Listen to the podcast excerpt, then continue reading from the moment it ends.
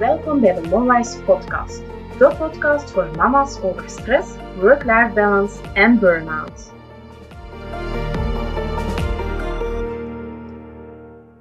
Vandaag heb ik Anita Rogier te gast.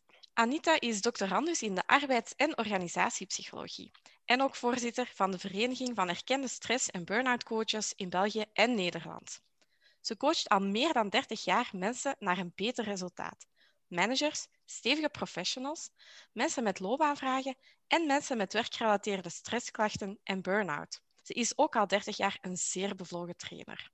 Daarnaast is ze ook auteur van verschillende artikels en succesvolle boeken, zoals Van uitgeblust naar energiek en ook het handboek Coachen bij stress en burn-out. Beide te verkrijgen bij onder andere Standaard Boekhandel en bol.com. Vandaag gaan we het hebben over stress en burn-out, algemeen en specifiek bij ouders, en waar je terecht kan voor hulp. Welkom Anita, dankjewel om hier te gast te zijn. Dankjewel Bianca, dank je om het te vragen. Met heel veel plezier. Anita, we gaan maar meteen van start gaan. Uh, want ja, ik ben benieuwd ook. Hè. Um, mijn eerste vraag voor jou is: waarom heb je er ooit voor gekozen om mensen met stress en burn-out te gaan coachen? Goh, dat is eigenlijk al een hele tijd geleden. Ik denk dat het nu 28 jaar geleden was hè, dat ik een lezing hoorde over burn-out. En in die tijd hoorde je daar bijna nooit iets over. Men sprak wel over overwerkt zijn, maar eigenlijk hoorde heel weinig over. Ja, en ik was direct gegrepen, gefascineerd om te horen um, wat voor ja, toch ingrijpende effecten langdurige roofbouw heeft op lichaam en geest. Ja, en ik was ook heel, uh, gelijk heel bevlogen om daarmee aan de slag te gaan. Instrumenten gemaakt, uh, een programma gemaakt om mensen weer te begeleiden om goed uit een burn-out te komen. Oké, klinkt interessant. Ik weet, of we weten ondertussen al dat je uh, ondertussen al heel wat jaar ervaring hebt in het vak en in het begeleiden van mensen. Welke tendensen zie jij in het aantal mensen die ziek thuis zijn wegens overspannenheid of burn-out? Ja, we zien eigenlijk sinds de coronacrisis dat er veel meer melding is van angst, spanning, onzekerheid. En stress en ontevredenheid nemen enorm toe. En je ziet wel dat zo'n 30% van de mensen aangeeft meer stress op het werk te hebben. En wat zorgwekkend is, dat tegelijkertijd 40% zegt minder plezier in het werk te hebben. En dat, die balans, hè, dat is nogal van belang. Want als je wat stress hebt, maar er staat werkplezier en steun van collega's tegenover, kun je dat beter verdragen. Maar die steun van collega's valt natuurlijk voor een heel groot deel weg.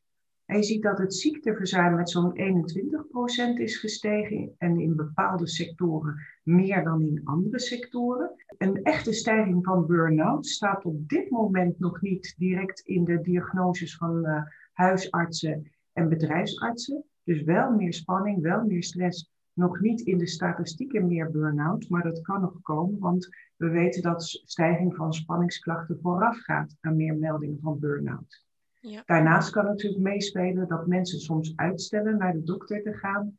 En ze denken de dokter heeft het toch wel druk met corona of andere dingen. Of ze zijn bezorgd besmet te raken in de wachtkamer. dus ik ben daar toch wel ongerust over. En natuurlijk lag het uh, getal van mensen met burn-out klachten al heel hoog. Zo'n 17% van de werkende mensen geeft aan burn-out te hebben ja, hoe komt het? In de eerste lockdown was men eh, in het begin nog heel zoekend hoe je thuis kon werken. Dus dan zag je een toename van technostress.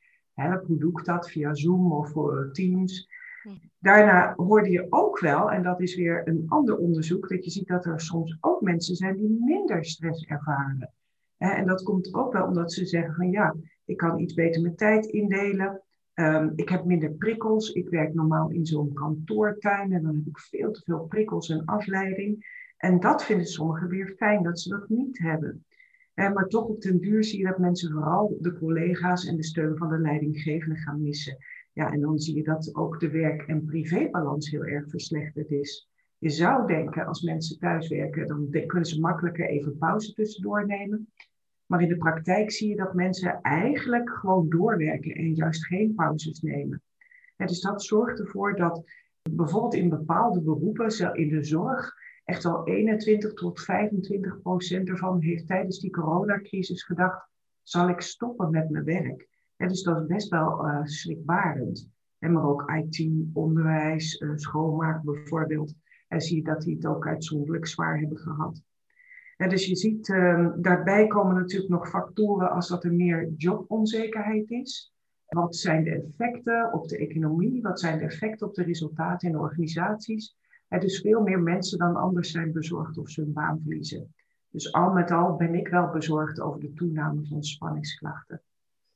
Oké, dus ik begrijp vooral dat er ehm, verschillende groepen te definiëren zijn. Je hebt een aantal mensen die zeggen van oké, ehm, het is allemaal wel spannend, maar ik zie ook wel voordelen aan de situatie. Je hebt daarnaast mensen die het heel moeilijk vinden om nog verbinding te houden met hun collega's en met de leidinggevende en die daar eigenlijk wel nood aan hebben, die het eigenlijk um, misschien tegen hun eigen verwachtingen in toch wel leuk vinden om samen op kantoor dat koffietje te drinken of in de vergadering toch even te connecteren. En daarnaast heb je hoor ik ook, denk ik te horen, de groep, ja, toch de mensen die vooral in, laten we het de frontlinie noemen, hè, dagelijks toch naar buiten moeten en in contact komen met heel veel mensen, daardoor een hogere werkdruk hebben of misschien ook wel wat angst. Um... zeker. angst om hun gezin te besmetten bijvoorbeeld. Hè? Als jij nu arts bent of verpleegkundige, ben je natuurlijk ook gewoon heel bang. Eén, natuurlijk dat je zelf ziek wordt of je collega's ziek worden, maar ook dat je het meeneemt naar huis. dus dat is toch echt wel een angst die speelt. Ja. ja, dat is heel herkenbaar. Ik hoor dat zeker ook in mijn omgeving, zowel bij coaches als bij mensen uit onze vriendenkring die in de zorgsector werken, dat dat psychologisch best wel zwaar is. Het idee van, goh, ik kan dat hiermee naar huis nemen. Of omgekeerd ook, ja, misschien uh, geef ik het wel door aan een van mijn patiënten of mijn gasten, dat dat eigenlijk dubbel, uh, dubbele druk geeft. Dus uh, oké, dus eigenlijk, we weten het nog niet zeker. Er zijn een aantal tendensen die we zien, maar feit blijft wel dat de cijfers in het algemeen, los van corona, de laatste jaren wel gestegen zijn. Is dat de conclusie die ik mag maken? Ja hoor, die conclusie kan je zeker trekken. Oké. Ik weet, dit zijn algemene cijfers in de algemene populatie. Ja, met MomWise richten we ons natuurlijk vooral op jonge mama's. Jonge papa's mogen ook luisteren. Dus ik ben uh, ook benieuwd of dat je ons iets kan vertellen over de cijfers met betrekking tot, ja, al dan niet, jonge ouders met kinderen. En de zogenaamde parental burn-out die we ja, de laatste jaren zo in de magazines zien opduiken ja. Uh, of het woord parental uh, burn-out erkend is in de wetenschap, dat is nog iets anders. Maar we zien daadwerkelijk dat die groep jonge ouders, maar eigenlijk begint het al rond de 18 toe te nemen. 18 tot 34 zo'n beetje, zie je toch wel een flinke stijging daarvan. En dat is best uh, schokkend in de praktijk dat je dan veel mensen ziet, jonge mensen die totaal uitgeput zijn. dus je ziet dat zo'n 12% van alle ouders toch wat meer burn-out-achtige klachten ervaren hè, door de zorg van de kinderen. En uh, je ziet wel een verschil, wel grappig dat je zegt mama's, maar je ziet dat bij mama's tot zo'n 20% uh, ehm, is. Ook dat ze meer stress ervaren sinds corona. En bij papa's zo'n 15%. Dat klinkt misschien niet helemaal eerlijk, maar we weten dat mama's nog steeds een stuk of zes uur per week meer zorgtaken doen dan papa's. Eh, dat is een gemiddelde. Hè. Je hebt misschien een heel uh, geëmancipeerde partner, maar gemiddeld genomen besteden mama's toch meer tijd aan zorgtaken. Um, dus je ziet dat dat wel toeneemt. Je ziet tegelijkertijd ook een aantal ouders die zeggen: ah, Ik vind juist dat ik iets minder druk ervaar sinds corona. Vooral omdat ik mijn kinderen niet steeds weg hoef te brengen naar allerlei activiteiten toch een grote groep zegt, ja, hè, we willen het allemaal heel erg goed doen, we verwachten te veel van onszelf. We zijn niet alleen mama of papa, maar we zijn werknemer, uh, animator. Als je kinderen je vervelen van mama, ik heb niks te doen. Hm. dus dus uh, animator, soms therapeut. Uh, waarbij kinderen normaal met uh, jonge volwassenen of, of pubers praten met hun klasgenoten als de verkering uit is of zo. Ja, dan ben jij opeens de therapeut. dus je ziet dat ze uh, ook leraar moeten zijn. En dat geeft best veel spanning. Ouders willen het zo graag goed doen voor hun kinderen. Ze stellen ook een beetje te veel hoge eisen aan zichzelf. Ja. ja en tegelijk als jij van een mooi, strak, uh, opgeruimd huis houdt. Ja, dat gaat niet als je kinderen voortdurend thuis zijn. Want jij ruimt het op achter ze misschien. Of je leert ze het opruimen. Maar je draait ze om en de hele kast ligt weer ondersteboven op de vloer.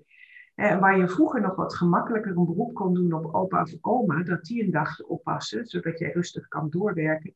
Ja, zie je dat je daar een enorm dilemma staat, want je wil opa of oma niet besmetten. Eh, die zijn misschien nog niet ingeënt. Ja, en ook de mogelijkheid om je eventjes, als het je te veel wordt, stilletjes terug te trekken. En normaal heb je voor die momenten dat de kinderen naar buiten gaan of naar de sport gaan, en dan kun je even ademhalen. Hm. Ja, je zit voortdurend met elkaar in huis. dus er is toch echt wel een stijging van stress, spanning of burn-out-achtige klachten bij ouders. Ja ja, heel herkenbaar, denk ik. ik heb zelf nog twee jonge kinderen. En uh, zeker bij de eerste lockdown, toen iedereen plots thuis was, ja, kan ik wel... Ik herinner mij dat gevoel nog. Want ik zei het, ze zijn nog heel jong, dus nog niet altijd zelfstandig. En um, ik weet op een bepaalde dag uh, was ik inderdaad leerkracht, ook bemiddelaar. Ik heb bijna bemiddelingstechnieken die ik in bedrijfsleven gebruik moeten toepassen op de kindjes, omdat ze continu ruzie maakten. Um, ja, een stukje stresscoach ook voor de kinderen, hè, want zij weten ook nog niet hoe dat ze daarmee moeten omgaan. En um, ja, het grappige vond ik dat uh, wij kwamen natuurlijk een stuk later in lockdown dan in Azië. En ik weet nog dat ik een, uh, toen een, een, uitzending had gezien van een, uh, een, mama in Azië, die ons dan als tip gaf van, jongens, pak het allemaal niet te serieus, want wij zijn hier ook heel, heel strak begonnen met lesgeven en structuur. En, maar het duurt zo lang. Probeer gewoon om ehm, ja, op het voltouwen en om er toch nog een stukje, allee, ja, plezier is een groot woord, maar plezierige momenten in te vinden. En op die moment denk je, ja, ja, hè, want in jezelf denk je, ja, maar ik ga dat hier een keer een keer goed gaan doen. Hè. En ik moet dan toegeven dat ik nadien heel vaak aan die mama gedacht heb en, en gedacht van, oh, dat gelijk. En hadden we dan toch met z'n allen maar gewoon geloofd, want ja, ik heb natuurlijk ook heel veel jonge mama's in, in mijn omgeving. En ja, elke leeftijd had zijn eigen uitdaging daarin, in die zin van... Ehm, ja, kleintjes kunnen natuurlijk nog niet zelf bezig zijn, maar de kindjes in het lager die moesten dan plots ook afstandsonderwijs volgen, terwijl probeer je je eigen meetings te doen. Dus uh, allee, dat het een pittige periode geweest is, dat denk ik zeker. En los van corona, ja, ook in het algemeen, ik denk dat dat wel een tendens is dat de meeste mama's het toch gewoon ontzettend goed willen doen en ja, liefst nog perfect. En dat is natuurlijk niet, niet altijd mogelijk. Nu, waar ik wel misschien van schrok, wist ik zelf nog niet, is dat het percentage van de, van de oké, het is 15% versus 20%, maar daar schrok ik toch zelf wel van. Van, het verschil is niet zo ontzettend groot. Dus ja, we weten het ook niet altijd, denk ik. Nee, ik zie in eh, mijn praktijk ook heus wel uh, papa's en die natuurlijk heel graag hun werk goed willen doen. Maar tegelijkertijd zijn daar drie kinderen die op de achtergrond ook een computer nodig hebben, waardoor de verbinding niet stabiel is. Of ze hebben maar één computer. Die raakt ook afgeleid. Uh, die hoort dan ook bijvoorbeeld mama corrigeren naar de kinderen, wat weer herrie door de vergadering geeft. En vergeet niet, mensen hebben niet allemaal een enorm groot huis. Als jij dieren bij elkaar op een kleine, de hele dag op een klein hok zet, bijten ze ook elkaar staart af. dus je ziet dat alleen al het voortdurend op elkaars lip zitten. Terwijl je moet werken, want ja, dat kan in de vakantie in een tentje leuk zijn als je naar buiten kan en leuke spelletjes kan doen. Maar je moet ook nog resultaat boeken. En dat zorgt dat zowel mannen als papa's toch wel veel meer stress ervaren. Maar sommige dingen hebben bijvoorbeeld het niet uh, heel de dag in de file staan, uh, op tijd eten kunnen maken. Ja, dat zijn wel weer dingen die ze waarderen. Dus ik denk dat er ook een uitdaging ligt voor de tijd na corona. Hoe kunnen we het goede van dit bewaren? Mhm. En hoe kunnen we uh, met name het gemis aan steun en nabijheid en contact met collega's en leidinggevenden toch weer oppakken op een veilige manier? Dus uh, dat zou eigenlijk moeten we ons op zelf, uh, onszelf opnieuw uitvinden. We moeten niet terug naar het oude. Hè, we moeten eigenlijk het beste van beide werelden proberen te gaan combineren. Ja. Ja, ik hoor daar vooral een dubbele rol in. Hè? De rol van onszelf. Van oké, wat betekent dat voor mij? En ook ja, voor werkgevers om, uh, om die oefening te maken. En ja, werknemers misschien helpen door daar een, een stukje kader of richting in te geven. Om ja, die 2.0 of 3.0 zelfs, uh, om die vorm te gaan geven. Dus, uh, Zeker. Ja. Nu, ja, wat ik boeiend vind, is um, dat ik zelf, zowel als coach, maar ook als ik mijn eigen persoonlijke verhaal vertel, dat ik dan plots, pas als ik het zelf verteld heb, verhalen terugkrijg van mensen die het ook moeilijk hebben of gehad hebben, van wie dat ik het niet wist. En omgekeerd ook verhalen dan over vriendinnen en familie en zo verder, waaruit je ja, toch wel kan vaststellen met de cijfers die jij net ook benoemde, dat we toch met z'n allen, of toch met heel veel mensen, en dan jonge ouders of ouders, het best wel moeilijk hebben. En toch, toch blijft die drempel zo hoog om uh, ja, al dan niet tijdig aan de alarmbel te trekken en toe te geven dat je hulp nodig hebt. Hoe komt dat volgens jou? Ja, ik herken dat heel sterk. Als mensen tijdig bijvoorbeeld naar een coach of psycholoog gaan, kun je heel vaak uitval voorkomen. En kun je goed functioneren thuis en op het werk, maar men wacht te lang. En hoe komt dat? Ja, je ziet dat er schuldgevoel en schaamte een rol spelen. Ehm, wij zijn helemaal niet beschaamd als we griep hebben en we hebben koorts. Koorts is een normaal verschijnsel bij griep. Nou, zo is burn-out of burn-out klachten. En ook dat wat emotioneel reageren bijvoorbeeld. Ehm, een heel normale klacht bij burn-out of overspannenheid. Maar men schaamt zich daarvoor. We zien misschien te veel uh, alleen maar perfecte levens via social media of tv, waar de kinderen er altijd mooi uitgepoetst, uh, opgepoetst uh, uitzien en waar het altijd opgeruimd is. En waar de mama's dik in de mascara en de hoge hakken rondlopen. Ja, en daar spiegelen we ons aan, maar dat is geen realiteit. je hoort heel weinig mensen in het openbaar zeggen: Oh, ik word even knettergek van die kinderen, ik zou ze wel even achter het behang willen plakken. Terwijl eigenlijk denk ik dat de meeste ouders dat toch bij momenten hebben. Ik hoop niet dat je het echt gaat doen natuurlijk. En maar eh, bij momenten uh, zul je dat wel hebben. Nu, er kan ook schuldgevoel zijn. Schuldgevoel naar het gezin, uh, naar de partner, ehm, de kinderen. Dat je niet kunt geven wat je zo graag zou willen geven. die aandacht, die zorg. Maar ook schuldgevoel naar collega's. als ik nu stop of als ik me ziek meld, dan staan ze er alleen voor en het werk moet wel gedaan. En eigenlijk leer je bij een coach of een psycholoog het aanvaarden, het herkennen en ook erkennen. Als jij hele lange tijd roofbouw op jezelf pleegt, je doet veel meer dan dat jij aan kan, dan zal je systeem, je lichaam en je geest op den duur klachten gaan produceren. En dat is eigenlijk bedoeld om jou af te remmen. Dus probeer toch over die schaamte heen te stappen. Uh, voel je niet slecht als de dokter of jouw coach of, of psycholoog zegt je moet wat tijd voor jezelf nemen. Uh, schaam je dan niet naar collega's. Je doet dan dat wat het meeste helpt om weer snel goed inzetbaar te zijn, zowel thuis als op het werk. Ja, inderdaad. Ja, en ik denk ook wat je aan het begin zei. Um, er zijn best wel bekende mama's die, die die uitspraak dan wel eens durven doen.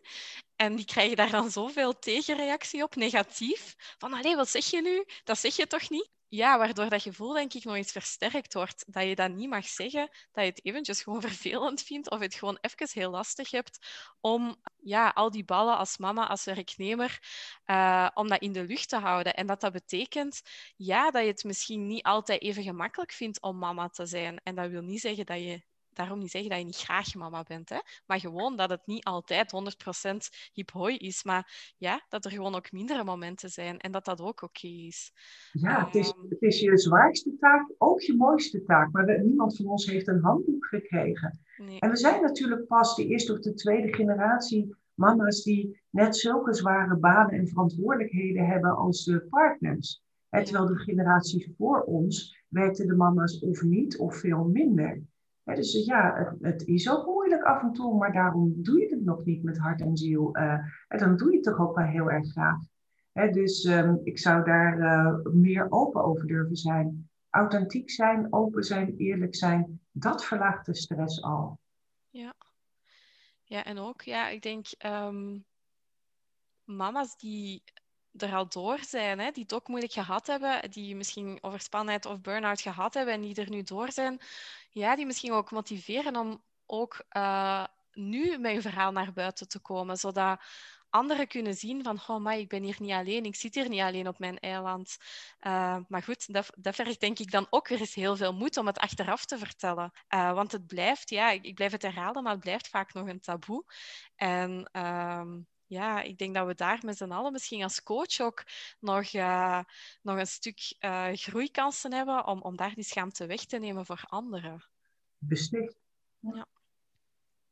Oké, stel nu dat je toch klaar bent om hulp te vragen. Hè? Dat je beseft van oké, zo gaat het niet verder. Het, is, allee, het gaat niet goed met mij. Of um, het is vijf voor twaalf en, en ja, ik heb echt hulp nodig. Hoe kom je dan bij een goede coach of psycholoog terecht? Kan je daar tips voor geven?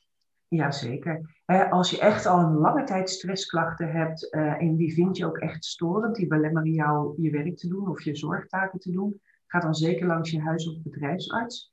En daarnaast kun je gelijk zo vroeg mogelijk begeleiding starten. Um, bijvoorbeeld kun je coaches vinden bij de VESB.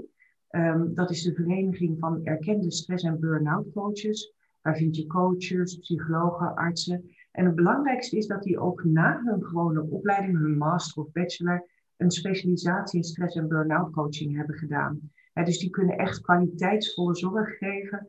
En op de website vesb.eu kun je altijd een coach uh, of psycholoog in buurt vinden.